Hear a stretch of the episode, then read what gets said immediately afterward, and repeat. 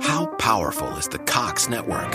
So powerful that one day the internet will let your doctor perform miracles from thousands of miles away. Connecting to remote operating room. Giving a whole new meaning to the term house call. Operation complete. The Cox network. With gig speeds everywhere, it's internet built for tomorrow, today. Cox, bringing us closer. In Cox serviceable areas, speeds vary and are not guaranteed. Cox terms apply, other restrictions may apply.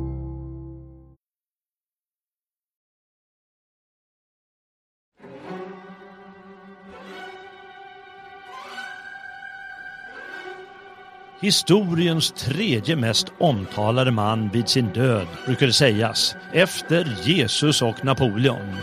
Älskad av horder, avskydd av ganska många också. Både revolutionär och konservativ. Idealist utan dess like och samtidigt med en grandios självsyn. Ja, det finns onekligen mycket att säga och tycka om Richard Wagner, den stora operatonsättaren på 1800-talet många stigar att vandra. Här på gamla och nya stigar ska jag, Jalle Horn och min radiokollega Svensson vandra två sådana stigar. Den första för oss till Wagner sådär i största allmänhet, lite om hans liv, gärning och förmåga att skapa närmast en kult.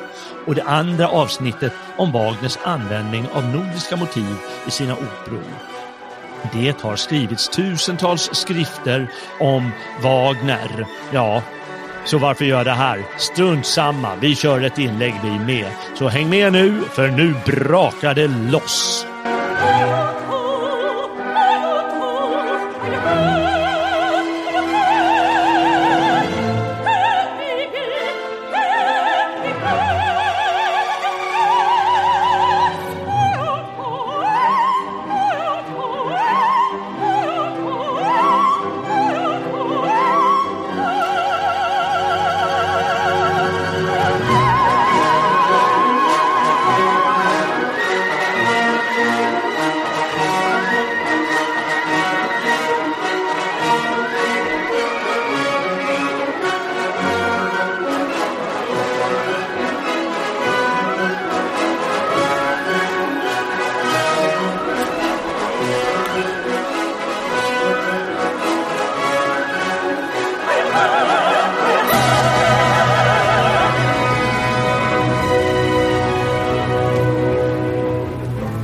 Ja, välkommen Svensson. Hur står det till? Jo tack, det står bra till här. Ja, är du Wagner-fan? Ja, det måste man säga. Jag har faktiskt nästan spontant legat och lyssnat på lite Wagner de här dagarna nu. Ja. Och det gör jag ändå. Det är liksom inte någon börda att lyssna på Wagner och plugga in hur, hur han låter, utan det är sånt jag gör naturligt. Mm, ja, Okej, okay, det är bra. Jag har också lyssnat lite, men jag är tyvärr ingen fan av honom. Mm. Jag tillhör ju den kategorin, eller den, den, de operor jag gillar, det, det, är nog de han avskyr, eller mm. avskydde. Mm. Han lever ju inte än, nämligen det som skulle gå under namnet nummeropera med slutna nummer. Mm. Och sen så jag tar en paus för musiken och snackar om lite och sen spelar de en sång kan man säga. Mm. Och han gjorde ju tvärtom. Mm. Men ja, han är ju den han är. Jag har sett en del. Jag har eh, både varit på, på plats på, i operahusen och jag har eh, sett, eh, sett dem på YouTube eh, förstås. Man kan ju se alla på YouTube. Det går ju att hitta. Och mm. det är ändå fascinerande på många sätt. Eh. Men hur blev du fan av eh, Richard Wagner? Var det för eh, att du slogs av musiken eller var det för att han verkade en intressant figur? Ja, det var en kombination av båda måste det ha varit. Mm. Det var att man läste att ja, men han är lite kontroversiell. Det var kanske när jag gick på gymnasiet. Ja, han var mm. kontroversiell, men hans musik... Ja, jag köpte en skiva som heter Wagner Greatest Hits och den, ja, den lyssnade jag väldigt mycket på. Ja. Och då var det så här uh, orkestersatser utan körmusik. Då, så att Mm. Det var som en... Det är det sättet som Wagner ofta presenteras på för en genomsnittlig lyssnare. Ja. Men liksom jag lyssnade mycket på det där. Jag tyckte det var nice att komma in i den där lite grann Tolkien-världen med myter och legender och ändå en lite förbjuden musisk, musikalisk mm. tonvärld. Ja, ja, på tal om film, då, när jag lyssnade lite Det hörs väl framförallt i, eh, i ouvertyrerna, eh, alltså filmmusiken. Så tyckte jag hörde lite från eh, Tolkien, den här Tolkien-filmen av Peter Jackson. Ah, det är ett par vändningar han snott från, jag vet inte vilken Wagner-opera det var, men eh, filmmusiken den hade inte funnits utan Wagner kan man ju säga. Nej, helt, helt rätt. Helt påverkad. Det kommer vi komma in på. Men du blev alltså så fascinerad av Wagner att du var tvungen att skriva en bok om honom? Ja, det är så pass att Wagner, med Wagner så kan man berätta berättelser. Mm. Det finns berättelser om hans liv och så berättelsen som är hans operor. Mm. Så att just i, och med att det finns ett drama att relatera till så kan jag själv som inte är som inte direkt är musiker så kan jag få en ingång till musiken. Mm. Medan jag kan ju samtidigt uppskatta en sån tonsättare som Bach men där är det lite mer abstrakt. Det är lite svårt för mig att hitta ingångar då. När, när verken bara heter Opus 32 i D-moll. Ja, just det. Ja, det är sant. Det är, jag menar, I långa loppet så man får ut kanske lika mycket, men det är en, skapar en extra dimension att det är ett drama. Mm. Det är det som är jo. Wagners särart. Ja, det är sant. Ehm, jo, det är nog lättare att skriva om Wagner än om Bach.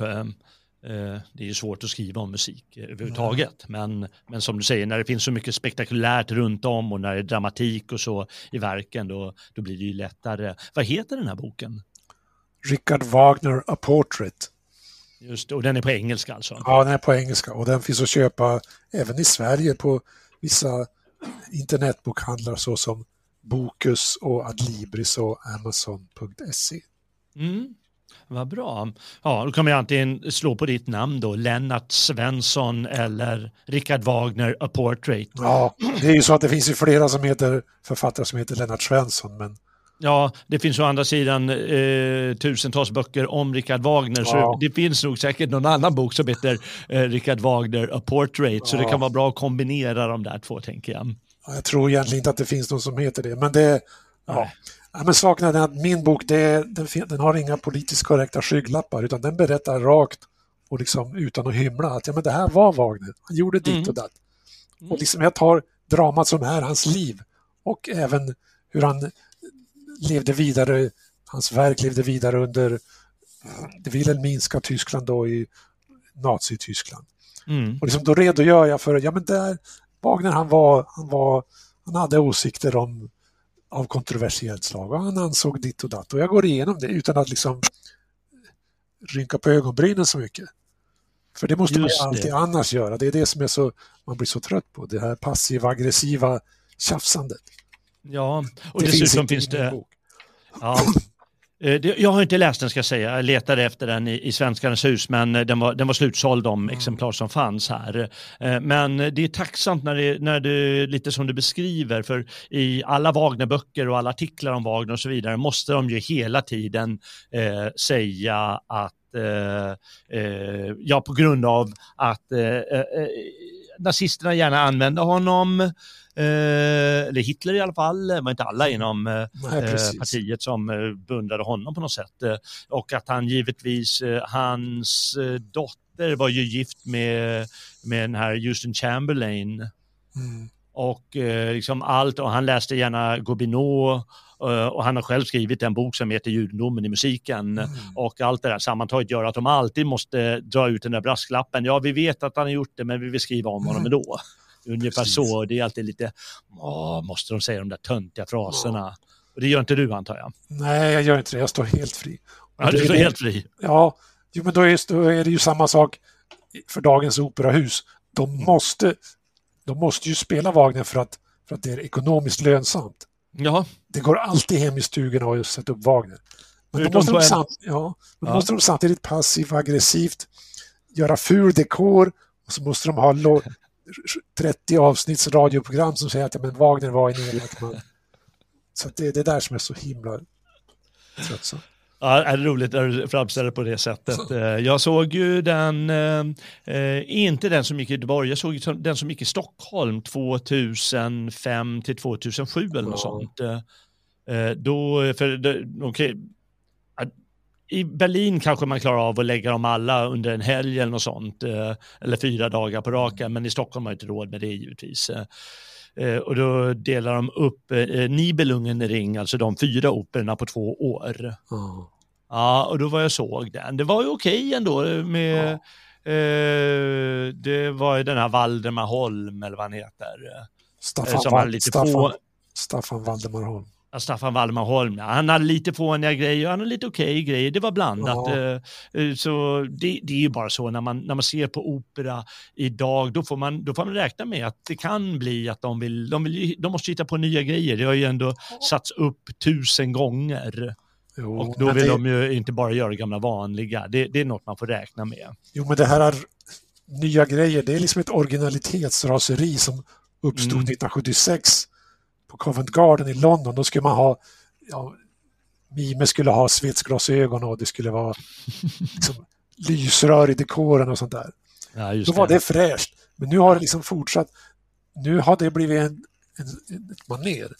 Så att enligt lagen om att ja, men saker och ting måste förändras, då borde man ju gå tillbaks till medeltidsinspirerade dräkter och ja. gammalt sagan, ska vi säga, Sagan om ringen-dekor. För nu skulle ju det nu skulle det vara fräscht och nytt. Mm. Men det är politiskt omöjligt. Men, ja, men det, det kommer. Kanske, det kommer och det finns säkert uppsättningar lite här och var som, som inte är riktigt sån utan de tycker det är kul med den här medeltida dekoren och så. Precis, det, kan, det, det, det, uppstår ibland till exempel i USA där är man inte så, mm. där har man inte det här äh, religiösa tvånget Nej. att vara så korrekt utan där kan Nej. man vara lite fri, man kan sätta upp de, de satte upp både ringen och Parsifal. Så att, ja. Med ja. ganska schyssta dekorer så att man behöver inte helt ge upp hoppet. Nej, på tal om ringen och det här som jag såg, va? jag höll ju på att göra bort mig. Jag hade ju sett de tre första då under ett och ett halvt år, skulle gå på den sista, köpt mina biljetter och alltihop. Och så tittar jag på den, ja, tänkte, ja men det är ju nästa vecka. Och så tittar jag på den en gång till, men vad i helvete, det är ju idag. Nej, men satan, det är ju nu! Och så det liksom en Nej, jag skulle köpa en biljett. Så var det. Jag hade behövt gå och köpa en i kassan för att få en sån här. Det brukar jag alltid göra på Operan. Det brukar alltid finnas lite kvar för tredje raden um, till någon sorts studentpris. Och så, men, så satte mig på cykeln och körde järnet bort till operan. Och så kom jag dit eh, och så sa nej, vi har ju inga förstår du väl, men du kan väl kolla dig runt omkring. Och så hittade jag någon som försökte sälja, sålde biljetten för 500. Mm. Det var jäkla tur. Alltså, har man stått ut med, hur mycket blir det i tid då? Tre timmar plus fyra och en halv för, eh, för nästa sju och en halv plus fem och en halv. Eh, det är alltså 13 timmar hade jag sett. Och så skulle jag missa de sista sex timmarna. Det vill man inte göra. Mm. Men då fick jag min biljett och fick titta på den. Så till och med jätte, fick jättefin biljett och satt jättebra. Mm. Ja, så det var ju tur det. Så jag har sett min ring i alla fall på plats. Så är det. På tal om, eh, på tal om uppsättningar, han, han, ja, men det finns ju många historier om Wagner. Han menar till exempel, här läste jag, att han ville först att hans Nibelungen ring, då alltså fyra operorna som heter Renguldet, Valkyrian, Sigfrid och eh, Götterdämmerung, vi säger ju Ragnarök då. Eh, de fyra, de skulle spelas i hans nybyggda Festspielhaus i Bayreuth och alla fyra efter varandra så här och sen skulle man bränna ner huset. och sen dessutom skulle man bränna partituret också och kasta det på elden så ingen kunde spela det igen. var liksom, Wagner, han har blivit som en institution idag, som en, som en konservativ magister. Mm. Men samtidigt var han ju helt och hållet konstnär som hade galna idéer. Ja, som, som det här då, att ja. bränna operahuset. Så det är det som gör att han har charm och att man kan, även om man inte intresserar sig för politik så kan man njuta av Wagner som konstnär. Och det, Ja, det kan man verkligen göra. Och han var ju helt, han var ju som jag sa i inledningen, han var ju idealist på många, många sätt. Ehm, det måste man säga, och det kommer vi komma in på. Men för då ännu någon historia här eh, så, så läste jag då att eh, eh, den första svenska science fiction-boken. Du är inne på science fiction. Har ja. du möjligtvis läst någon som heter Oxygen och Aromasia från 1878? Ja, jag har hört talas om den. Okej. Okay. Den handlar tydligen om just hur, hur, Wagner, han och Liszt, de formade begrepp som de kallade, eh, Frans Liszt och en annan eh, kompositör, eh, formade ett begrepp som de kallar framtidens musik. Mm. Och den här framtidens musik skulle eh, med, med grammofonens hjälp så har folk lyssnat, eh, lyssnat sönder sina öron mm. i den här framtidsboken som utspelar sig på 3000-talet eller något sånt där. Och eh, då har alla människor blivit döva på grund av Wagner. Otroligt. Ja. Och eh, du sa det här med operahusen vill tjäna pengar, förutom på en plats på jorden, var då? Ja, Israel. Israel, jag vet inte om det fortfarande är förbjudet att spela dem, men eh, när jag läste en bok som var från kanske 10 år gammal, eller 15 år, eh, då var det fortfarande förbjudet. Och jag tror att det kommer inte att ändras, för att det var ju naturligtvis de som, de som levde i, när man levde i Tredje riket då spelades det mycket Wagner. Mm. Och det var ju inte något särskilt roligt för judar att om de har sen efter det där bosatt i Israel att komma ihåg Tredje rikets tillvaro. Nej. Det får man ju förstå. Och även om det inte kanske finns idag så många judar kvar som har behandlats med Wagners musik i Tyskland under Tredje riket så har ju det blivit nu en attityd att mm. men vi spelar inte Wagner. Mm, nej. Så. Det har ju fortfarande varit lite problematiskt för de, eh, de judar som bor i USA och Europa och håller på med musik. Till exempel den berömda eh, dirigenten Barenboim, ja. pianist också. Han försökte, har ju försökt lobba halva sitt liv för att de ska släppa det där förbudet i Israel, ja. men de vägrar hårdnackat. Ja, och han är ju jude själv då förstås, Barenboim. Ja. Det var även ett avsnitt i Curb Your Enthusiasm med Larry David. Mm och han är också jude. Och då handlar det om att han gillar Wagner men så har han en kompis som inte gillar Wagner så ska han trakassera honom med Wagner-musik. Så att, ja, det har blivit en. Det har blivit en kulturell grej det där och det är man, man får väl ändå respektera att de inte vill. Ja, det, det, det, får man, det, det, får man ju fatta. De får väl åka någon annanstans om, vill, eh, om de går på Wagner-uppsättningar. Ja, precis. Det, är liksom, det går inte att koppla ifrån det politiska. Det, det, liksom, det, blir ett helhetsfenomen. Det går inte att mm. utbilda mm. folk bort från Nej. att liksom sluta ogilla Wagner om man nu har det i blodet. Nej, jag tänkte jag bara skulle läsa ett litet stycke här ur en bok som man kan, som man kan förstå liksom att, aha, men, för, för han hade ju, han skrev en del pamfletter om judar och så vidare. Mm. Och här är då ett avsnitt, eh, så lyder så här, Wagner gav ett svar i Känn dig själv. Det är alltså en bok som heter Känn dig själv. Mm. Utan fosterland, utan modersmål leds juden oåterkalleligt att återfinna sig själv. Genom alla folk, länder och språk tack vare den säkra instinkten i hans absoluta och outrotliga egenart. Inte ens blandningen med andra skadar honom. Manlig eller kvinnlig kan juden blanda sig med främmande raser och likväl resulterar det alltid i en jude. En, ett intressant porträtt av en sån bastard är Götter Demrungs skurkaktige Hagen, framavlad av Nibelungen Alberich i ett högt samtal med tyskan Grimhild. Hagen är en motpol till hjälten Sigfrid, sprungen ur den idealiserade incesten mellan guden Våtans jordiska tvillingbarn. Eh, alltså eh, Sigfrid är frukten av det, bäraren av en ny och bättre ras. Mot den robuste och brunstige Sigfrid står den sexuellt passive Hagen som ska föreställa judisk då. Ung med askgrå hy, en arketyp för 1800-talets onanist. Och det är väl ungefär så eh, han, han kunde uttrycka sig. Det här är ju då en, en person som skriver om Wagner, men liksom i den, eh, i den kontexten och den känslan. Och, ja, då kan man förstå där att de inte vill ha honom i Israel. Nej, visst nej, han var ju rasligt intresserad. Han var ju en rasvurmare. Han höll ju på mm. med det här ariska. Och, ja. och han var emot Ryssland och han var emot han var ja. vegetarian, mycket kontroversiellt. Ja, vegetarian ja. ja. Sa i radion i morse att uh, han uh, var, var emot djurförsök. Ja, precis. Vi, vi, Redan på den ja. tiden hade man det tydligen och uh, det, nej, Ja, nej, han, var, han hade alla möjliga åsikter och samtidigt givetvis paradoxalt för eh, eh ena stunden kan han vara som sagt, han kan vara idealist och vara otroligt egocentrerad och eh, ha liksom båda, båda sidor samtidigt. Eh, och utvecklas förstås under livet också. Nu ska vi väl eh, ta lite om eh, hans, eh, hans liv.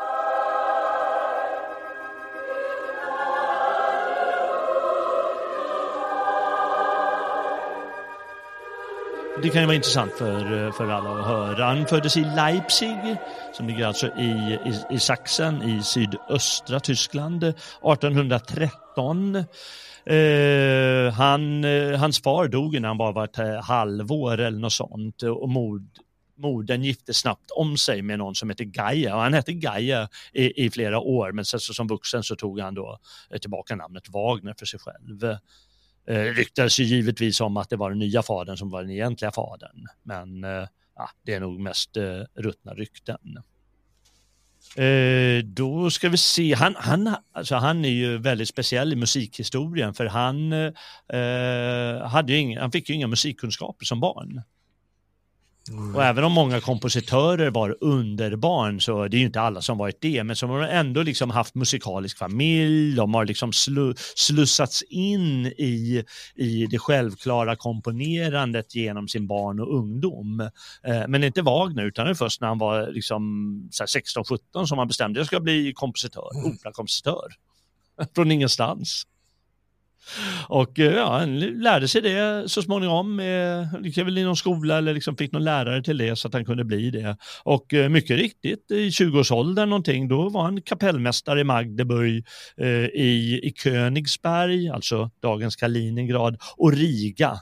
Och, och där skrev han sina, sina första operor. Har du hört alla Wagner-operor? Nej, jag har bara ja. hört brottstycken ur ur dem, ur de tidiga. Och... Ja, precis. Jag har inte hört alls, jag har ingen aning. Jag, jag ville bara se hur, hur mycket Wagner-freak du var, men du var ja. inte fullständig. Nej, jag... Ja. I, I, min egen musikvärld så upptar Wagner en stor del, men, det, mm. men liksom sen jämfört med andra musikfantaster så vet jag nog inte. Nej, så. nej precis. Uh, nej, de, eh, de spelas ju givetvis men eh, det är liksom inte, det är inte riktigt Wagner. Utan... Det var han själv ansåg att från och med de som har giltighet, det var från och med Flygande holländaren. Just det. Den, från och med den och framåt så får de spelas i Bayreuth men inte Rienzi. Nej, precis. Inte de för holländaren. Och det, ja. Före det har han skrivit ännu någon men det är liksom bara mm. akademiskt intresse. Ja, precis. Eh, han lyckades komma till eh, den scen som alla ville vara på den tiden, nämligen Paris, eh, kom han till 1839. Och eh, det var där de, de största operorna eh, spelades och antagligen hade störst publik också. Eh, och just störst, det ordet, det kallas stor opera eller grand opera. Mm. som det hette, alltså med mycket mycket, mycket spektakel på scenen och liksom stora körer som backar upp med jämna mellanrum och, och, och hela balletten. Och eh, han skrev ju själv flera av hans operor har ju det här grand opera i sig. Mm. Med spektakulära inslag och med mycket människor och en jätteorkester i bakgrunden som, mm. som behövs då. Och den största av alla då, det var eh, den här som han heter Meyerbeer, det låter ju tyskt men han var ju fransman. Giacomo, något sånt där. Giacomo. Eh, Meyerbeer eh, som hjälpte honom där lite i Paris, eh, där skrev han väl sin opera Rienzi som blev lite av ett genombrott. Eh, men eh, han flyttade till Dresden för, för att bli kapellmästare där och tog med sig den och satte upp den där. Mm. Eh, och den blev ju dundersuccé eftersom den var i den här, den stilen som var inne då som Grand Opera. Eller något. Eh, eh, däremot, så, som du sa här nu, det är från och med den flygande holländaren som eh, han börjar se, finna sig själv så att säga och sitt musikspråk. Och det ju svalt intresse för den. Ja, det var inte alls lika populärt. Mm. Och så nästa han satte upp då, Tannhäuser, det blev alltså en total flopp. Mm. Alltså, fullständigt nedskrivet i, i, alla blad. De skrev det för ett missfoster så sett. De var ju elaka på den tiden vet du. Men det var ju, för, det var ju liksom en riktig Wagner-opera. Det var en seriös opera. Det är ja. lite som en föreläsning. Eller den har ett didaktiskt syfte. Att liksom, Tannhäuser, han är germansk hjälte. Han kan inte stå ut med att leva på Venusberget med kärleksgudinnan utan han vill bli något. Ja. Och det, det fattar man inte i Frankrike. Liksom, Nej. Utan att... Det här var ju för sig i Dresden eh, som man satte upp. Det, det var ju senare som Tannhäuser blev flopp i, eh, jo. i, i Paris. Jo, precis. Ja, det var svårt i Tyskland också. Ja, det var, det var... Man, ville ha, man ville ha mest i, så italiensk opera eller den här Grand Opera ja, som var liksom ren, inte ren underhållning, men mycket underhållning. Ja, det skulle vara liksom briljans, det skulle vara eh, snygga solopartier och det skulle vara liksom ja. distinkt. Mm. Eh, det fanns ju alltså, eh, Wager brukar säga reagerade mot någon sorts kommersialisering som hade skett eh, det fanns ju redan på, på 1600-talet fanns det kommersialisering av operahusen och, och, och, så. Men det hade väl gått väldigt, väldigt långt och primadonnorna som du säger, de skulle kunna visa upp sig i de här numren mm. och virtuoser ska kunna spela fint och så vidare och då hade han en mer idealistisk hållning. Mm. Och hans musik blev, var ju lite annorlunda med inte sådana här slutna eh, praktfulla nummer utan väldigt långa utdragna nummer som glider in i varandra. Mm mer. Och det gick alltså inte hem, det blev en jätteflopp. Eh, till hans besvikelse eh, för trots idealismen så vill man ju alltid, man vill ju alltid slå och han vill ju alltid nå ut. Eh, kommer väl komma in på snart lite mer, att han hade ju en, en idealistisk idé att liksom omforma människor med hjälp av konsten, mm. helst sin egen konst, eh, till att bli en liksom ny högre andlig varelse nu när religionen håller på att dö mm. ut. Jo, mm. och då skulle Bayreuth vara som ett tempel. Ja, precis, ja, när han grundade Bayreuth, då skulle det vara tempel för det. Ja. Men det blev ju det också. Ja, det blev det faktiskt. Eh. Det, blev, det, det var en väldigt en väldigt bra sätt, ett väldigt bra försök i alla fall. Ja. Liksom det ja, fanns, man har ju berättat att ja, men när, när de hade sina premiärer, då blev en viss man vid namn Nietzsche besviken. Han tyckte det var för mycket geschäft och för mycket, mm. för mycket larm kring restaurangen i pauserna. Ja. Och det hörde naturligtvis också till. Men det var ändå en bass, en, liksom en vibration kring att nu är det liksom Bayreuth, det är här man ska vara. Mm. När man gav Parsifal i Bayreuth på ja, var det 1880-talet, då var liksom, det var liksom Europas och därmed världens centrum för ett litet mm. tag. Ja, så det var ju ett tempel, det var ju som en religion. Ja, ja. Det fanns ju många som vallfärdade i och med att eh, Wagner, inte nu när han eh, bodde i Dresden och fortfarande var liksom runt 30 år, mm. men senare blev han ju liksom en kultisk person och folk vallfärdade till Bayreuth mer eller mindre. Fascinerande. Men han kunde ju inte, han kunde bli kvar i Dresden. Han kunde inte ens sätta upp sin, sin nya opera Lohengrin. Och alla har väl eh, eh hört, eh, vad, heter det, bröllopsstycket eh, ur den. Mm. Ur Lohengrin. Den är ju väldigt vacker. Eh, men han var tvungen att sticka eftersom han ställde sig på barrikaderna, mm. tro det eller ej. Men den här som räknas som eh, konservativ nazist, eh, han var alltså revolutionär, socialistisk revolutionär kan man säga, eh, där i slut 1848. Har du skrivit om det i din bok, något om ja. hans hållning där? Mm. Jo, jag tog med det där och skrev att ja, men han var väldigt idealistisk och han, han var liksom en proggare som stod på barrikaderna. Men det var ju också en kreativ grej att ja, men hans, kreativ, hans kreativitet fick bränsle av den här revolutionen. Det var liksom att, att nu skulle Tyskland skulle frigöras och konsten skulle komma till makten och mm. människan skulle upphöjas och det skulle komma en ny tid med en ny musik. Ja. Eh, många har väl tolkat och det finns väl onekligen där att det finns ju i hela den här Nibelungen ring att guldet är ju en förbannelse. Ja. Och guldet är förstås kapitalet i vår nya värld som mm. liksom riskerar att ta över både liksom andligheten och eh, det gör att människor liksom blir fattiga och vissa ja. blir andligt fattiga och vissa blir rika och, och så vidare. Precis, det, där, det, det, ligger, det, det ligger en viss logik i det hela. Det var inte alldeles konstigt att han blev Nej. frihetlig, frihetlig socialist.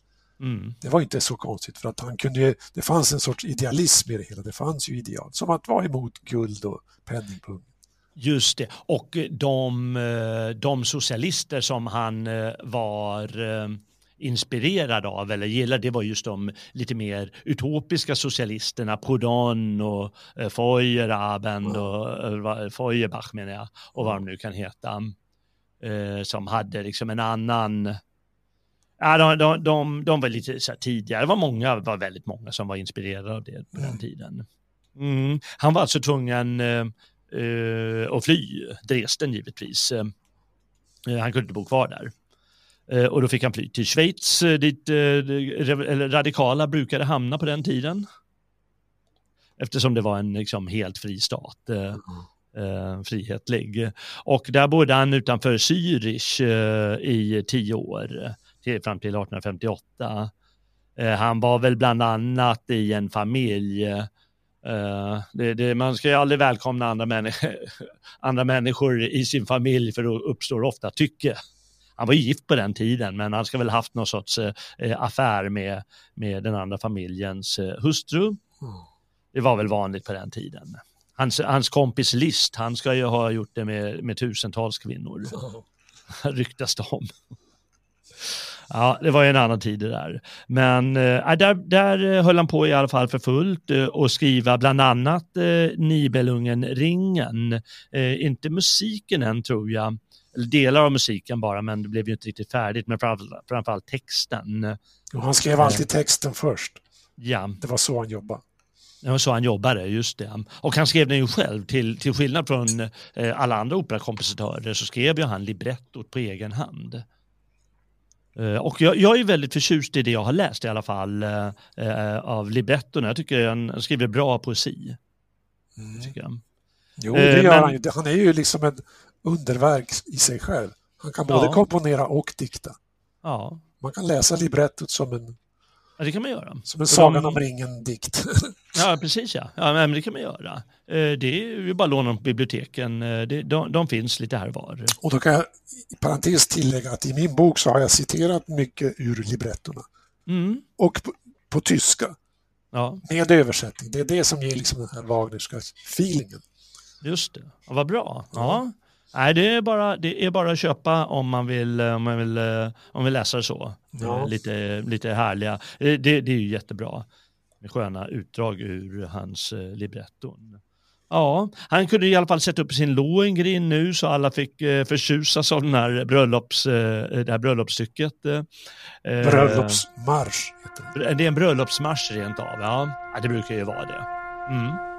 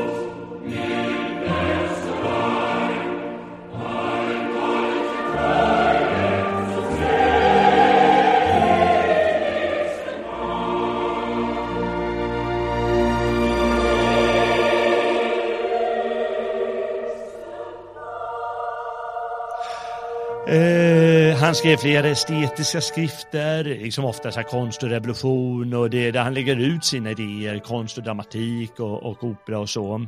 Och det, eh, det, det, kan man ju nämna att det finns ingen annan kompositör som har skrivit så mycket pamfletter som Wagner. Nej, det kan han man var väldigt säga. produktiv. Han, han, är liksom helt, helt outstanding där. Mm, mm. Liksom och, eh, Brahms, Bach, Mozart, de skrev inga pamfletter. Nej, nej, de skrev ingenting. Det har de inte tid med. inte förr i alla fall. Så här, på Mozarts tid, då skrev ju alla ofattbara mängder musik. Mm. På, på Wagners tid, då började man ju hålla igen under den här romantiska eran. Då såg de ju ner på de här som spottade ut sig en opera på, på tre, fyra veckor mm. eller ännu mindre. Då skulle man ju hålla på flera år med ett verk helst. Ja, ja. Det var ju liksom det romantiska idealet ska gå genom ekluten ordentligt. Ja, precis. Ja, eh, i alla fall, eh, ja, han, han eh, kom tillbaka till Paris när det lättade liksom den här radikala hållningen så kunde han flytta vidare. Så eh, prova i Paris igen, eh, nytt totalfiasko med den här Tannhäuser och eh, ja, när inte det gick hem då provade han, han var ju tvungen att få pengar va åkte runt lite här och var i Europa och gjorde turnéer. Eh, men till slut så förbarmar sig en person över honom. Eh, vem då? Ludvig den andra av Bayern. Precis. Eh, för alla de som har varit i, nere i södra Bayern, Neuschwanstein, slottet Neuschwanstein, de vet förstås vem, vem han är. Har du varit där? Nej, men jag har honom som en favorit faktiskt. Ja. Han var ju liksom Ludvig av Bayern, han, han var en drömmare men han byggde ändå rejäla slott. Mm. De, de kunde inte användas till något men det var liksom rejäla slott i sig själva och de, ja där åker ju turister i miljontal och tittar på idag. Ja, det gör det. Liksom, de står ju, de, de har ju betalat sig på så vis. Mm. Så det, ja, det, det beundrar jag faktiskt. Ja, det är verkligen eh, turister från eh, hela världen. Jag, jag, jag, var där för några år sedan när jag var i södra Bayern eh, på sommaren och hälsade på folk. Eh, eh, då, ja, då måste man åka dit om man bara ändå är i närheten. Det var mycket japaner, det tyckte jag var roligt. Eh, japaner är också drömmare, precis som vi europeer. Ja, vi är sköna. Det är bara vi som gör serier, så liksom vi i väst och så japaner gör serier och vi gör science fiction. Och det, ja, ja, det så. hänger ihop det var intressant. Ja, hänger ihop på någon vänster, vi och Japsen. Eh, men eh, nej, det är verkligen värt en resa. Det är kul att se det där slottet. Det är ju, särskilt inredningen, för han har inrett olika salar efter olika operor. Mm. Och han var ju alltså Wagner-fan. Liksom ett, eh, en sal som helt efter Lohengrin, ja, då är det liksom målningar och, och det, det ena och det andra och nästa är Tannhäuser och så vidare. Och det, det är väldigt, eh, det är häftigt att se, det måste jag verkligen säga. Så det var, en, eh, det var roligt, roligt att kolla. Kan jag eh, uppmuntra alla att ta sig en tur om man ändå ska vara där nere någon gång. och eh, då fick han hjälp förstås eh, att, eh, att, så att han kunde bo och leva gratis och han kunde bo, han bodde först i München och sen i Luzern då i Schweiz. Och då kunde han då sätta upp sin Tristan och Isolde, eh, Mästersångarna i, i Nürnberg och sen också då de första delarna av, eh, vad heter det då? Nibelungens ring. Nibelungens ring, ja. Och det var ju ett jätte... Han ändrade ju om det, ändrade det flera gånger och visste inte hur han skulle göra. Um, men han satte upp de första delarna i alla fall. Uh, tack vare uh, Ludvig den andre som uh, sedermera mördades av uh, socialister eller några. Om jag minns ja. rätt. Ja, det är en gåta hur han blev mördad. Ja, jag vet. Det är inte löst. Nej. Det är jag som brukar säga så. Ja. Bara. Men i alla fall, Wagner, han kommer äntligen till sitt Bayreuth, då, det, det som blir den heliga, platsen, heliga Wagnerplatsen 1872 och eh, lyckas samla ihop pengar att eh, bygga färdigt det här Festspielhauset 1876 så han äntligen kan sätta upp hela sin Nibelungen-ring. Mm. Och det blir ju då han har ju drömt om det här liksom halva sitt liv. Att det ska finnas en sån, ungefär som Svenskarnas hus, eh, ska finnas en plats dit man kan komma och eh, det liksom ska på något sätt, eh, ja på nytt föda vissa delar som människor behöver. Mm. Och har du varit i Bayreuth då? Nej. Vad sa du? Jag frågade om du varit i Bayreuth. Nej, det har jag inte. Nej, eh, jag var faktiskt där också. Eh, jag vet inte om det var på samma resa eller en annan resa. Jag bodde i Tyskland då, det var lite lätt. Eh, men jag var inte inne i det här Festspielhauset. Men jag var vid hans grav i alla fall, för han ligger begraven i, i Bayreuth. Han dog visst under en resa i Venedig, men de tog hem kroppen och begravde det i, i Bayreuth. Så där ligger han begravd. Ja, kände på stan lite. Det, ja, jag vet inte. Det var ingenting med, med det. Det är väl någon gång om året den där eh, festivalen antar jag. Men det var inte när jag var där i alla fall. Mm. Nej. Ja, då sätter de upp Wagners operor. Eh, ja, så är det. Så dog han då 1883. Han var alltså 70 år gammal tydligen. Mm. Eh, spännande liv. Eh, när det gäller det, är det, det, det är lite fascinerande. Jag, jag, kan tänka mig att din bok är bra att läsa för den som vill eh, bara läsa lite om Wagner. För problemet är om man läser någon sån här operahistoria eller något sånt, då blir det ju väldigt mycket om musiken. Och jag har studerat en smula musikvetenskap och det är ju det är som att läsa kinesiska. Ja, precis. Det är ett helt eget språk och det är så många begrepp och det är så mycket man måste verkligen kunna väldigt mycket för att eh, kunna eh, hänga med när de eh, diskuterar det där. Så, så det är bäst att läsa en sån allmän bok som du har där liksom, ja, men människan Wagner och det är hans ja. idéer, lite om, uh, lite om hans operor men liksom inte musiktekniska. Nej, nej men alltså min bok är en populärframställning. Mm. Den ska kunna läsas av mannen på gatan. Så att... Ja, precis. Och då kan ja. man tillfoga för den, av den bildade mannen på gatan. Just det. Man måste ju ha lite hum om ett och annat. Ja, det måste man ju ha. Och så måste man ha intresset givetvis. Ja. Men, men man, kan, man måste beröra lite av det där ändå. Eh, musiken, han har, det, det grundläggande med, med Wagner är ju förstås att han börjar skapa de här, eh, eller att han vill gå ifrån det som kallas nummeropera, mm. som jag kallar det för. Och opera, vet du vad det ordet betyder? Det betyder ingen, verk. Det är ingen som tänker. Det kommer från ordet opus. Och det är alltså ja, flertal av ja. opera. Ja. Det betyder verk. Det betyder verk helt enkelt, ja. Så det betyder flera verk. Uh, och det är vad en opera består av. Den består ju av flera nummer, helt enkelt. Flera arior eller duetter eller något sånt. Uh, och det var ju det som i, i operans begynnelse, de första årtiondena, skapades år 1600 i, i Italien, eh, då var den lite som Wagners opera, att det var väldigt sammansatt och, och det var inte en massa spridda nummer hur som helst, utan de var väl integrerade i varandra. Men ganska, ganska snart, eh, och som rådde länge, då, ända fram till början av 1800-talet, eh, det var att det blev eh, en samling nummer kan man säga, en massa sångnummer och eh, handlingen eh, när man ska förklara handlingen eller spela handlingen på scenen, eh, då har man det här eh, eh talsången.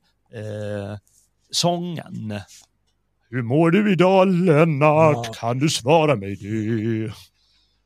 Jo, eller hur det kan...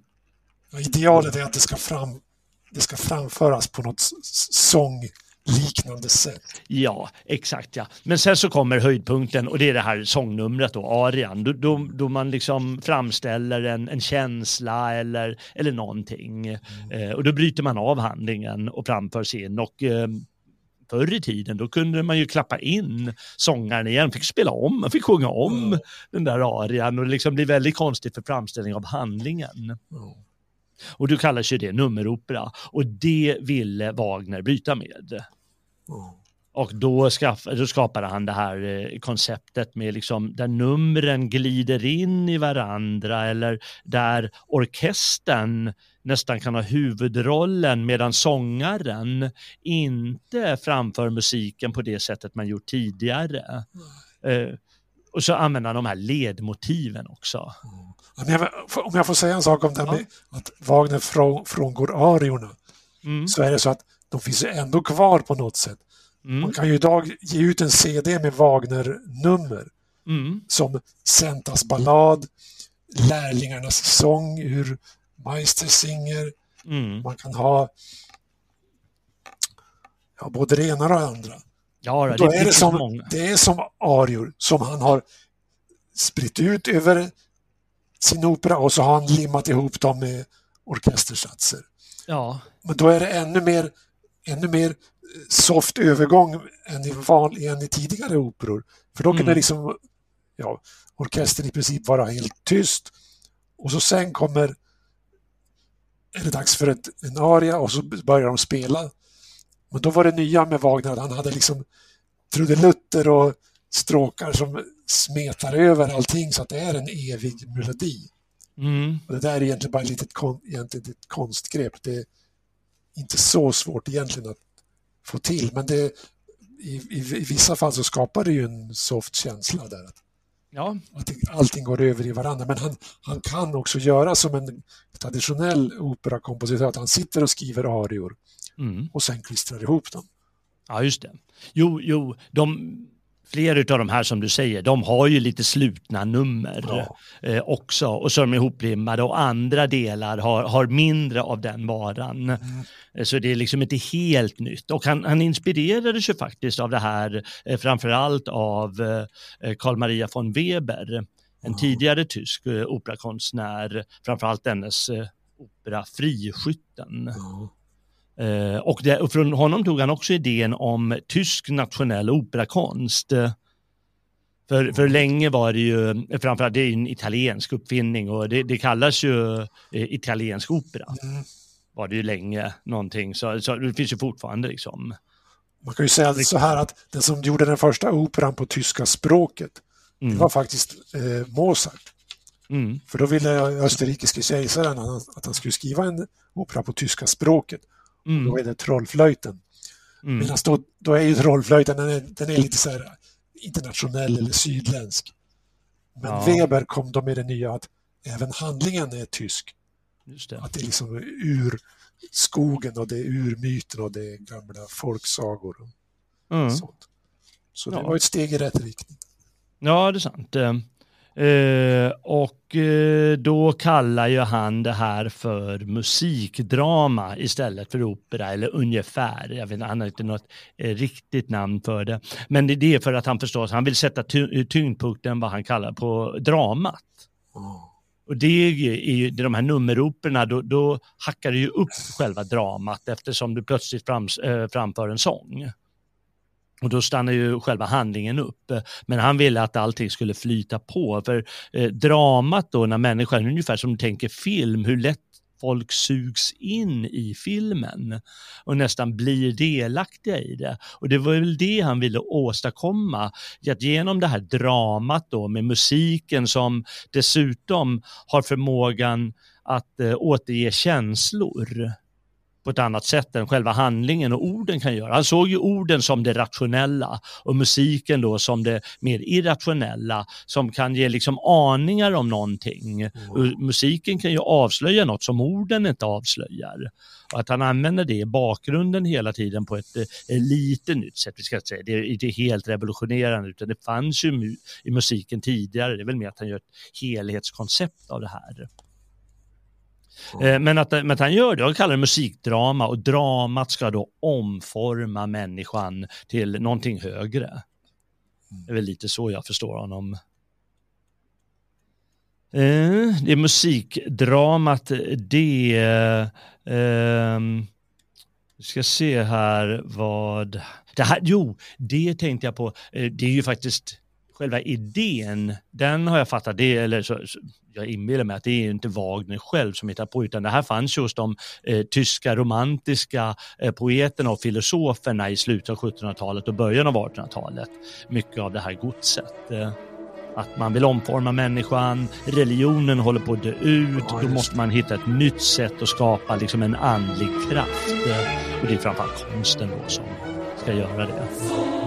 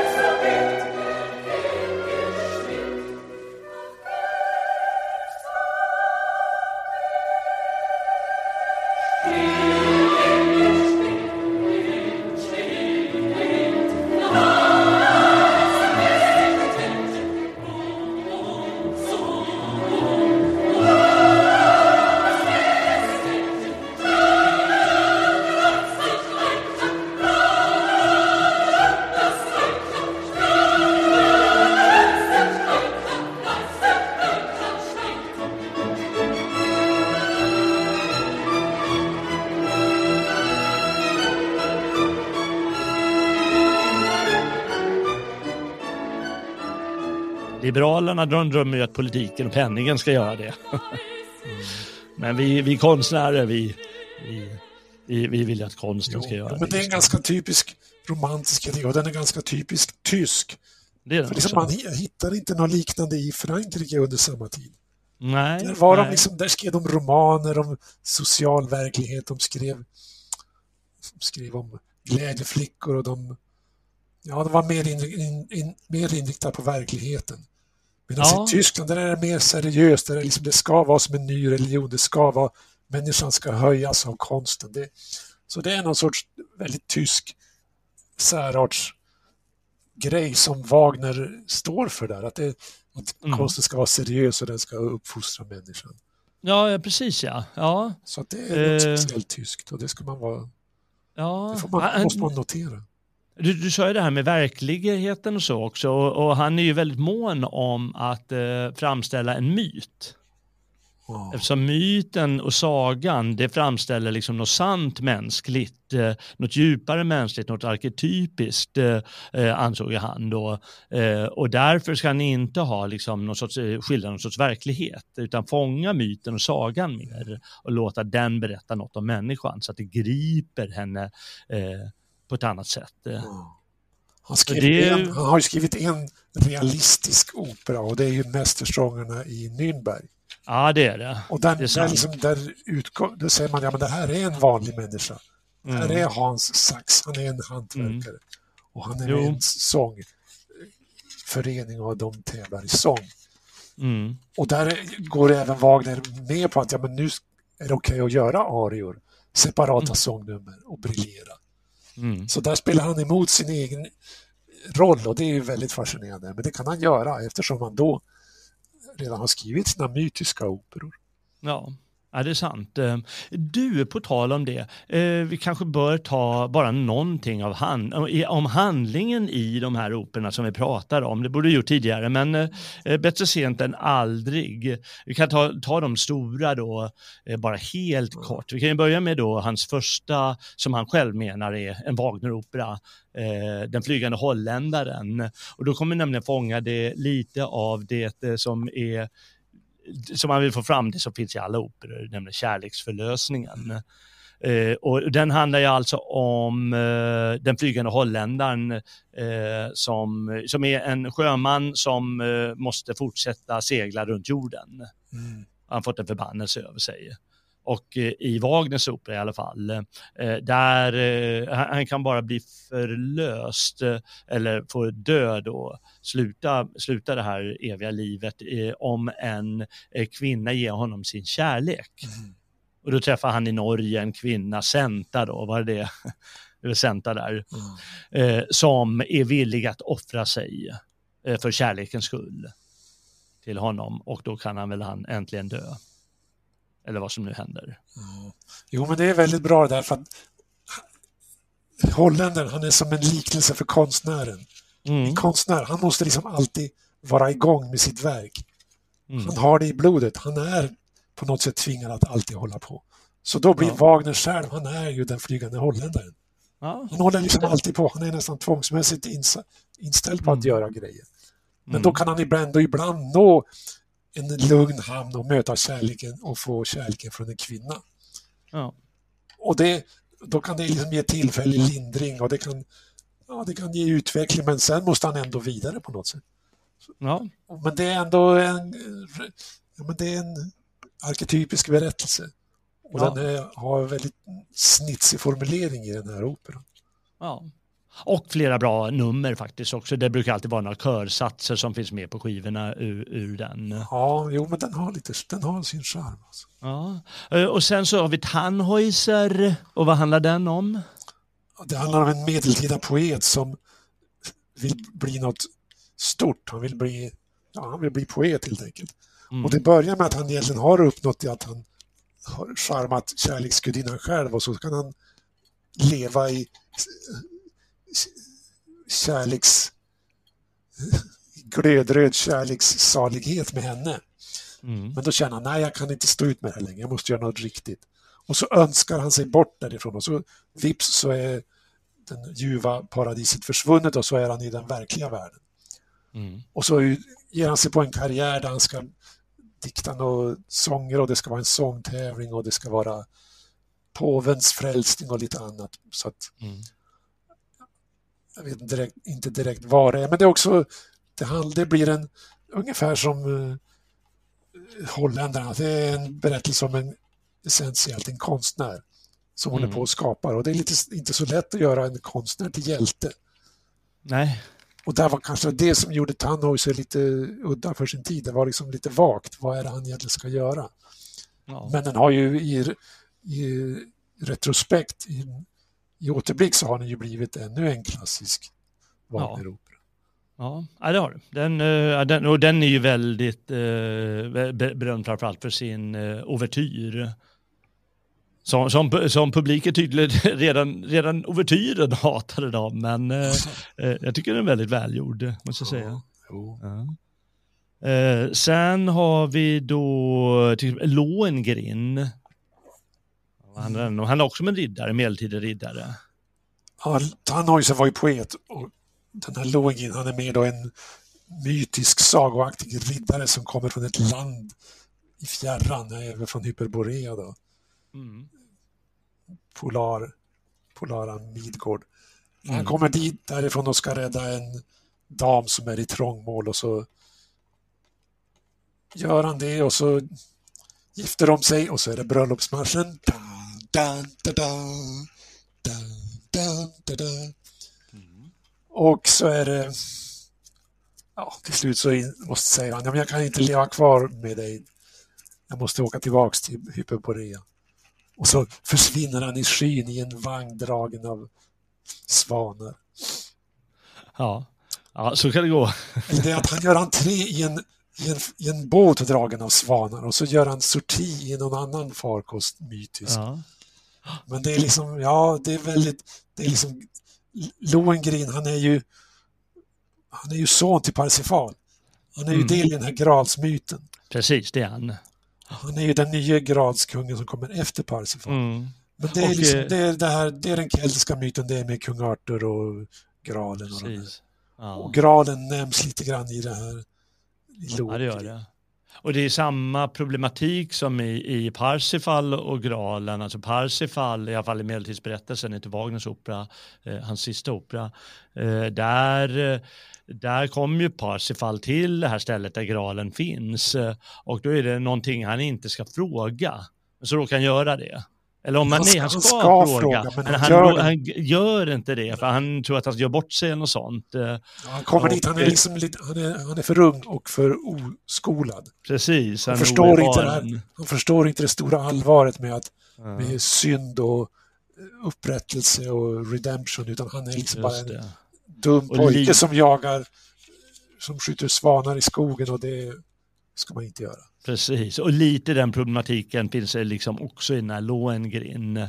Att eh, det blir så skapar någon konflikt där, jag kommer inte ihåg hur längre men eh, Ja, eh, för det finns ju det här graltemat lite grann där i också.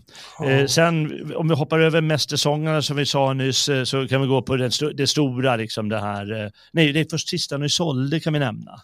Ja, jo men den har ju det här förbjudna kärleksmotivet. Precis. Tristan ska fria, ska åt sin kung fria åt en adelsdam. Och då blir de istället, de blir kära. Ja, det eftersom de dricker den här kärleksdrycken ja. som är ämnad åt kungen och Isolde. Ja, precis. Men de, de blir kära, men de vet också att det är förbjudet så det blir en väldigt dissonans. Det är en väldigt skärande ton som går genom hela operan. Mm. Och det utspelas också i musiken, för det var musikaliskt en av de svår, mest svårspelade operorna han kom med. Mm. Och det var, var väl, länge väldigt svårt att liksom repetera den med de musiker som fanns, för att de förstod den inte. Nej, just det. Nej, nej, det är så. Det är, det är inte lätt. Liksom, lära sig. Men det de är, är liksom, långa. Det är liksom framtidsmusik, Zukunftsmusik. Mm. Ja, det är musik som inte är harmonisk, utan den ackorden utmynnar inte i en harmonisk treklang utan det är liksom da, da, da. Mm. Och så där håller det på hela tiden. Man kan, ja. och det, men det är även en sån svårflörtad lyssnare som Nietzsche tyckte att det här är ju liksom, det här är Wagners storverk. Ja, precis. Tristan, musiken den är liksom vad som kommer att bestå, sa den kritiska Nietzsche. Och det har han ju rätt i. Den Tristan-musiken är ju väldigt Wagners signe, kännetecken. Att det är musik som är fullkomligt känns fullkomligt fräsch även idag. Mm. Ja, men den är, den är speciell. Man kan ju man kan alltid lyssna på ouvertyrerna för det, det liksom avslöjar så mycket ja. i dem, i ouvertyrerna redan. Och de är ändå 10-12 minuter och du får ett ordentligt stycke. Så om man inte vill lyssna på hela operan kan man alltid lyssna på ouvertyren, ja, det första man, stycket alltså. Ska man lyssna på en då ska man lyssna på Tristan-ouvertyren för den mm. är speciell. Ja, den är speciell. Det är den. Redan första tonen ja, är väldigt speciell. Alltså. Det, det, måste man säga. Där, där ja. Blir man inte Wagner-fan efter det, ja men då då, ja, då, då, då, ska man inte lyssna på honom. ja, det är väl så. Uh, och sen så uh, har vi då hans storverk då, Nibelungenring bestående av fyra, uh, fyra stycken operor. som sagt, Renguldet, Valkyrian, Sigfrid och Götterdämmerung, mm. Ragnarök. Och det tänkte jag vi kan spara mer till nästa ja, gång. Ja. För det handlar ju om det, det, nordiska som han lånar av. Då. Och han har ju, liksom, när han skrivit texten så har han ju tagit mycket från Eddan.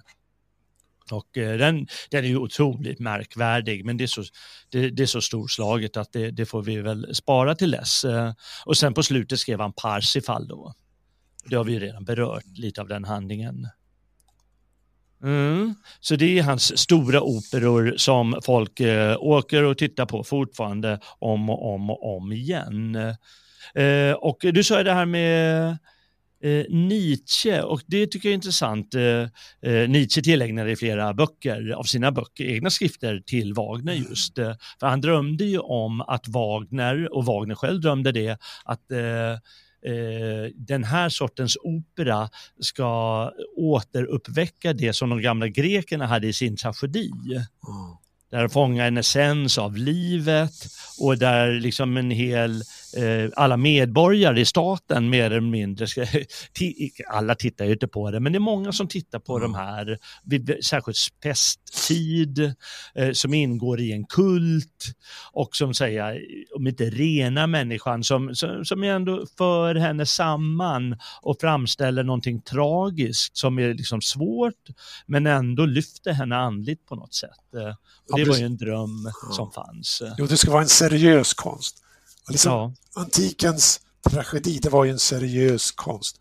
Det var ju mm. framförallt Aeschylus med sina dramer om mm. den fjättrade Prometheus och perserna och ja, mm. de, de sju mot Tebe.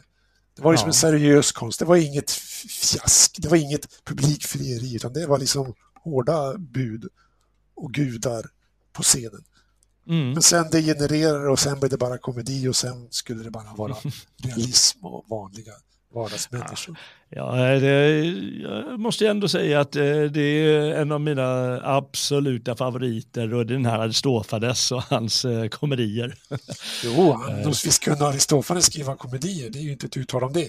Nej. Det är samma som idag, visst kan man gå och se filmer, komedifilmer. Ja. Men liksom, vad Wagner gjorde, det var ju det att i Wagners samtidigt så var ju idealet att allt ska vara underhållning. I en opera, mm. det ska vara underhållning. Det spelar ingen roll vad det handlar om, bara det låter Nej, det, bara, det, bara det var... gubbar rör sig på scenen. Då kommer man med den nya att det ska ha ett seriöst budskap, det ska vara en, en ett budskap som skelett. Det ja. ska vara någonting som man trär upp mm. alla de här ariorna på. Ja. Det ska vara en helhetsform som betyder något.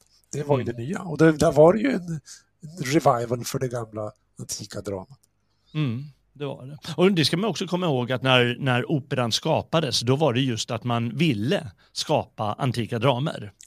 För man jo. trodde att det var så det gick till, eh, sådär år 1600. Jo, och det var också Men det var en, det var en konst som så att säga ganska snabbt då, som jag sa förut, eh, tonades ner och underhållningen tog över. Men det var också ett sätt att komma ifrån att bara göra kristendomsspel. Mm. Bara göra ja. krönikespel eller mirakelspel eller passionsspel mm. efter Bibeln. Mm. Utan vad de här Glycko eller vad Monteverdi och de heter, de, de ville göra de ville berätta om andra saker än bara Jesus. Ja, precis. Så då kunde man gå till antiken och där kunde man latcha runt fritt. Ja, det kunde man. Och för Wagners del, eh, nu, nu håller inte jag med Wagner utan jag är övertygad om att eh, liksom Mozart och, och, Beethoven och de tidigare, de liksom ville inte bara ge enkel underhållning. Det kanske blev det när väl hur folk tittade på det, men de hade ju förstås djupare syften eftersom de ja. var liksom gedigna ja. konstnärer. Jo, men de hade ju det och, och Wagner, han dyrkar ju Beethoven. Ja, det gjorde han ju. Så ja, han var ju inte emot Beethoven. Nej, nej, och han skrev en bok om honom till och med. Och eh, på tal om Beethoven, det är bra att du säger att han, han ville ju att eh, hans operor skulle vara som en symfoni snarare än sådana här nummeroperor. Och symfonin, där är det ju väldigt viktigt att du bygger ihop delarna. Eh, eh, och eh, ger det ja, särskilda mäktiga klanger. Jag ska inte gå igenom hur, hur, man gör det, men, men det skulle påminna mer om en symfoni än den opera som fanns mm. tidigare i alla fall ha den strukturen. Och han pratar också om det, det som är mest känt för eh, när det gäller Wagner, eh, det är förstås begreppet allkonstverk. Mm. Och operan är ju redan i sig ett allkonstverk i och med att det har, eh, det har ju ord och det har musik och du har liksom måleri med scenen och du har dans, ofta är det ju balettinslag. Eh, så du har allting. Men, men han ville liksom att eh, de delarna ska integreras väldigt bra i varandra och målet är att använda alla de här medel för att just framställa ett drama som slukar människan och formar om henne till någonting högre. Mm.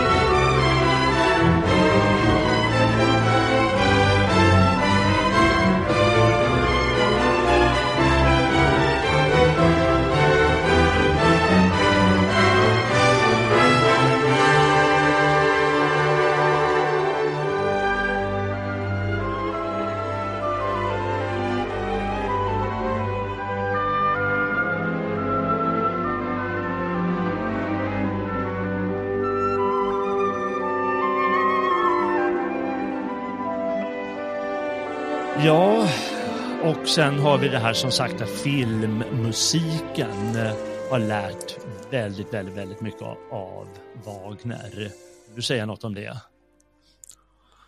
Ja, jag har försökt forska i det där. Jag har inte kommit på direkt någon grej, men det är väl det här med ledmotiv. Att mm. Ledmotiv, det fanns antytt i musiken före Wagner. Mm. Som till exempel Beethovens, vad är det, femma eller nia. Mm. Det är liksom ett ledmotiv kan man säga. Mm. Och det... Att man har små trudelutter som antyder saker i handlingen. Wagner blev till exempel, han hade, jag tror det är svärd, har ett tema som går da da da da da någonting. Mm. Och då kan han sätta, sätta in det i melodin när Sigfrid drar svärdet eller när Sigfrid gör entré på scenen. Mm. Så att, ja det är ganska subtilt. Det är subtilt som en effekt i början men sen så går det inte riktigt att få ihop det för att på slutet så i, vad är det, i Götterdämmerung där klistrar Wagner ihop olika ledmotiv men det gör inget för då är ändå lyssnaren, han är, han är ändå i trans. Okay, liksom, ja, grundidén är att men det är, man kan liksom introducera något nytt på scenen och liksom understryka det med musik så man behöver inte, man behöver inte sjunga det i texten. Nej. Nej, det ska finnas det, där i, i bakgrunden i orkestern. Ja. Det är inte ja. någonting de, de sjunger utan den, det hörs. Eh, eh, och det ska ju dels ge association till någonting och sen ska det liksom eh, fånga en särskild känsla, helst lite omedvetet. Eh, eh att man då ska, som man påminns om flera gånger, eh, den där känslan.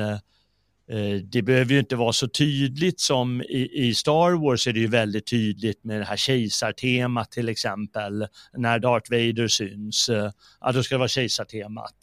Ja, jo, men, ja visst, men det är ju ändå en det är ju influerat av Wagner, det är det ju. Ja, det, det, är ju ändå det. Men, men det är liksom lite mer subtilt hos, hos Wagner. Och det finns, jag vet inte, jag kollade lite, den, den som det är mest genomfört i, det är tydligen i, i renguldet, eller renast genomfört. Mm. Och då finns det så 50 70 olika ledmotiv som kommer och går genom operan. Och då, då, är det väl meningen att det ska ge den här särskilda känslan. Eh, så, som man säkert eh, liksom känner av när man sitter och tittar på det för att man antagligen minns det. Eh, om inte omedvetet, eh, om inte annat. Eh, ja, när man tittar på det. Men det är, liksom en, det är en farlig väg att gå det här. Det är som en effekt. För att det, det är ju inte någon direkt opera. Det var en operakompositör efter Wagner som fortsatte med det. Mm. Och det var väl Engelbert Humperdinck som skrev Hans och Greta.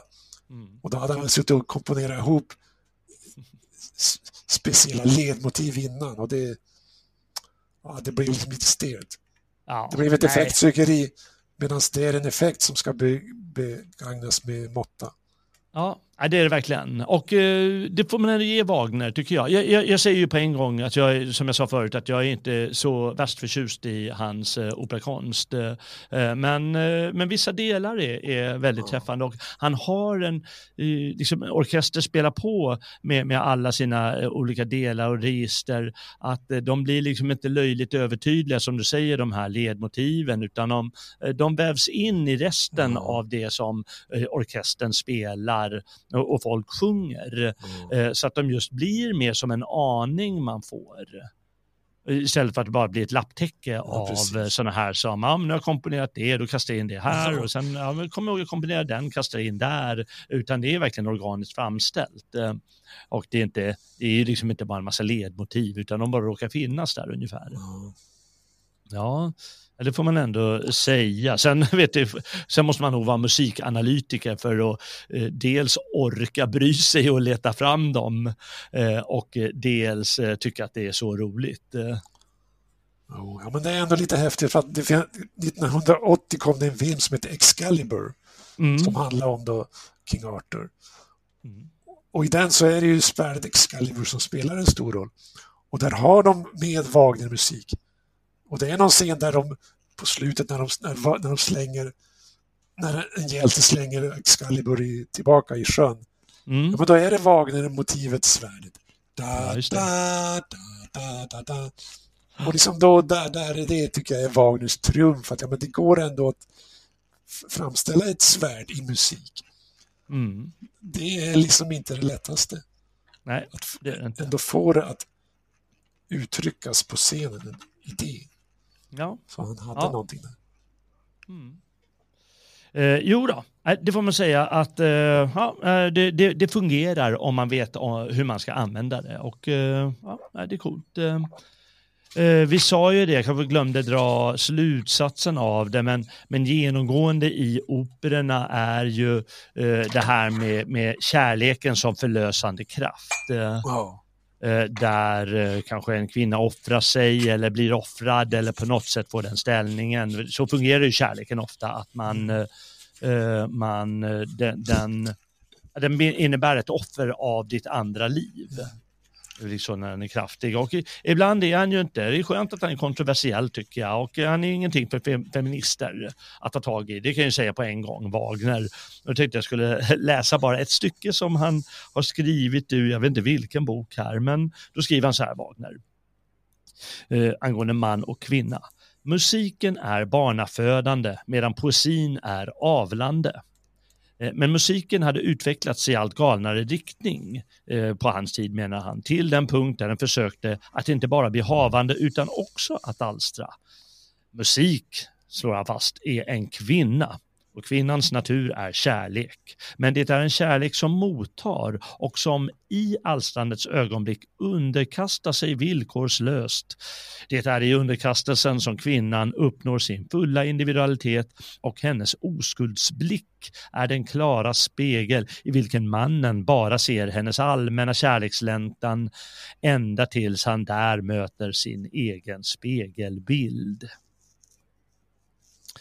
Så det heter om man och kvinna i alla fall. Väldigt, väldigt eh, poetiskt eh, skrivet eh, tycker jo. jag av honom. Jo, men jag skulle ändå vilja säga att han har en del för dagens kvinnoister.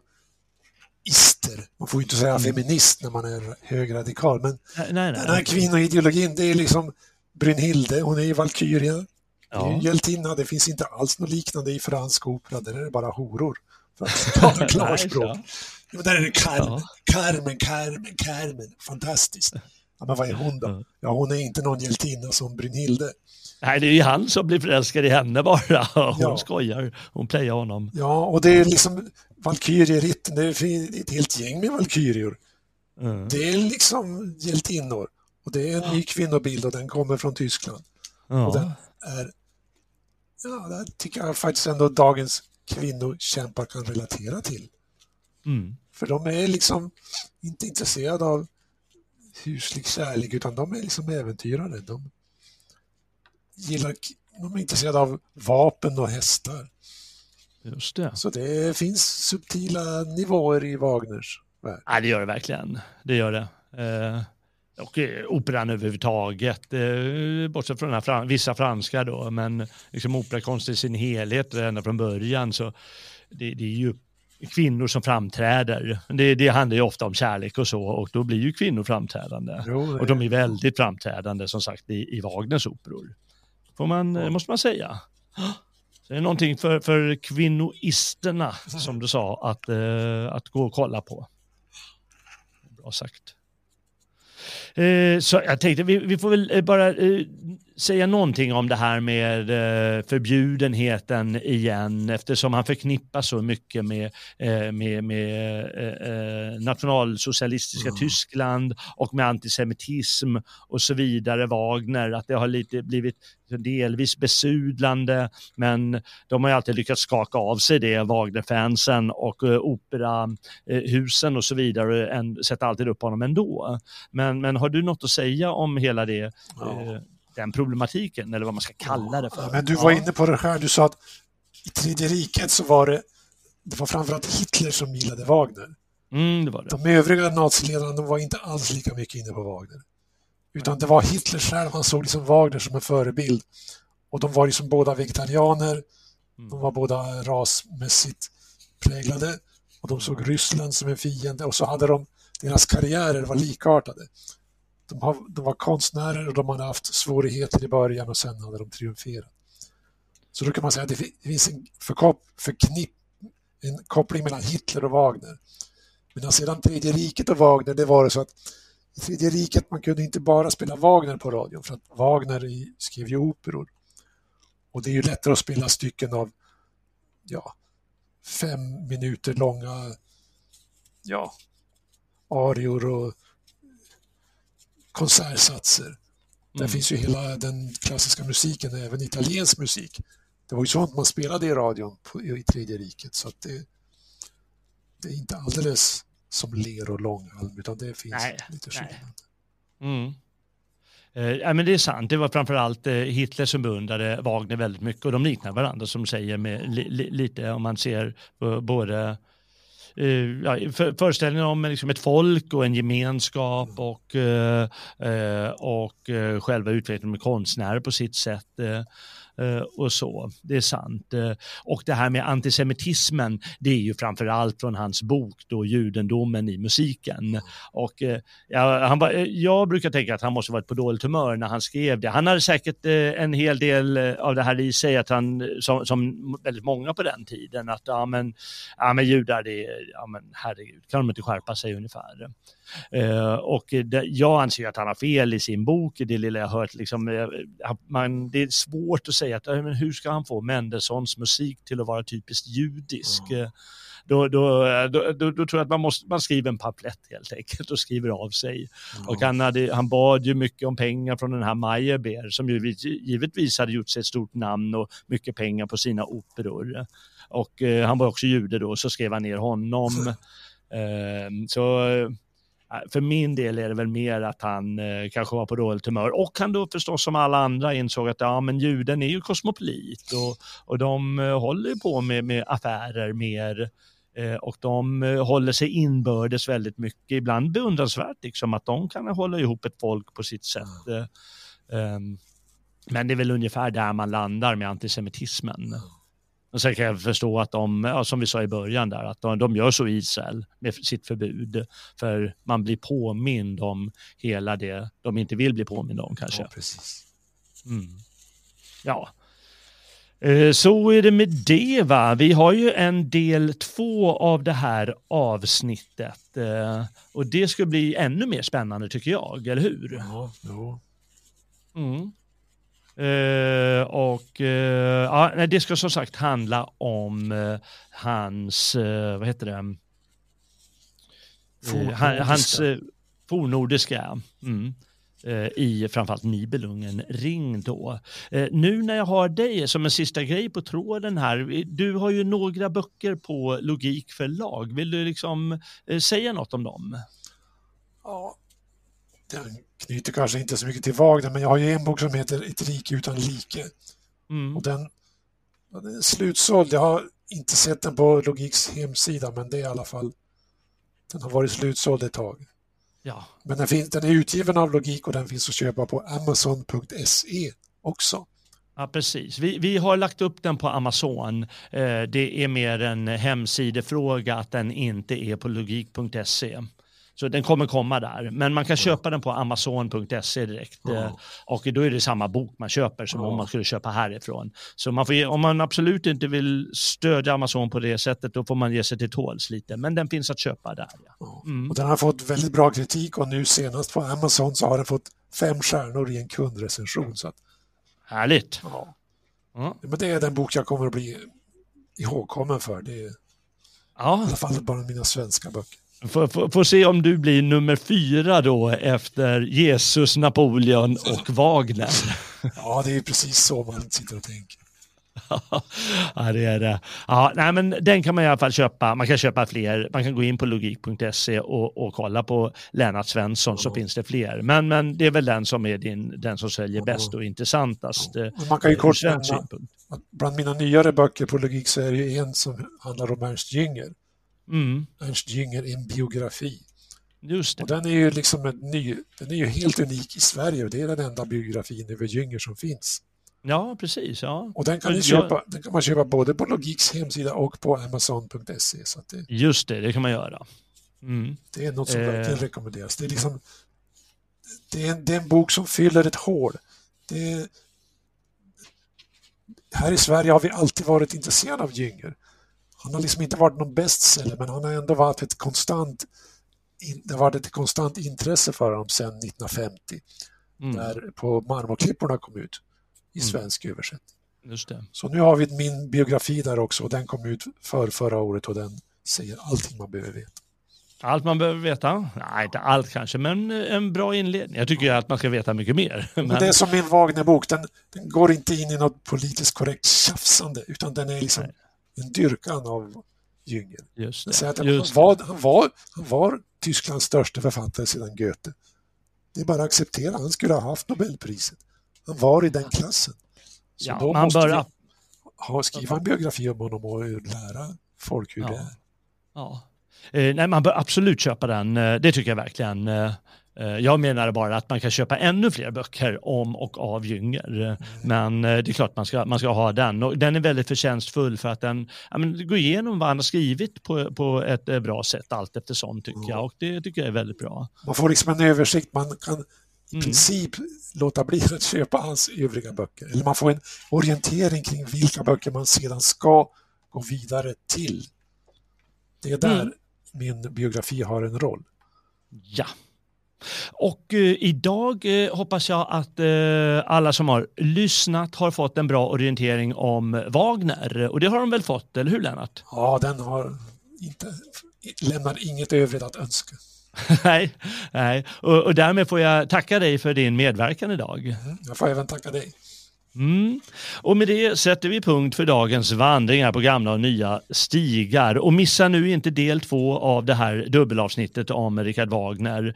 Eh, det är inte säkert att det kommer på nästa avsnitt eh, här på gamla och nya stigar, för det tror jag att vi ska ägna åt eh, vår gamla hjälte Gustav Vasa. Men det kanske kommer efter det eller lite längre fram i alla fall. Så tro mig, eh, håll bara ögon och öron öppna så ska du få en del två om Wagner och det nordiska. Och du vet väl också att du kan stödja Radio Svegos verksamhet genom att vara stödprenumerant eller donera till oss. Eh, många program är fria att lyssna på, men stödprenumeranter får eh, särskild tillgång till våra dagliga sändningar. Eh, gå in på svegot.se och klicka på donera eller stödprenumerant om du vill bidra till verksamheten och ta del av alla våra program. Och sprid gärna det här programmet bland eh, alla vänner och bekanta, både på sociala medier och, och ja, du kanske skriver brev rent av. Skriv ett brev där du sagt vad du hört eh, så att fler kan lära sig om Richard Wagner och annan eh, europeisk och svensk kultur genom att lyssna på andra program på gamla och nya stigar. Så häng med på nästa vandring vart den nu för oss. Till dess har jag bara att säga väl mött frände.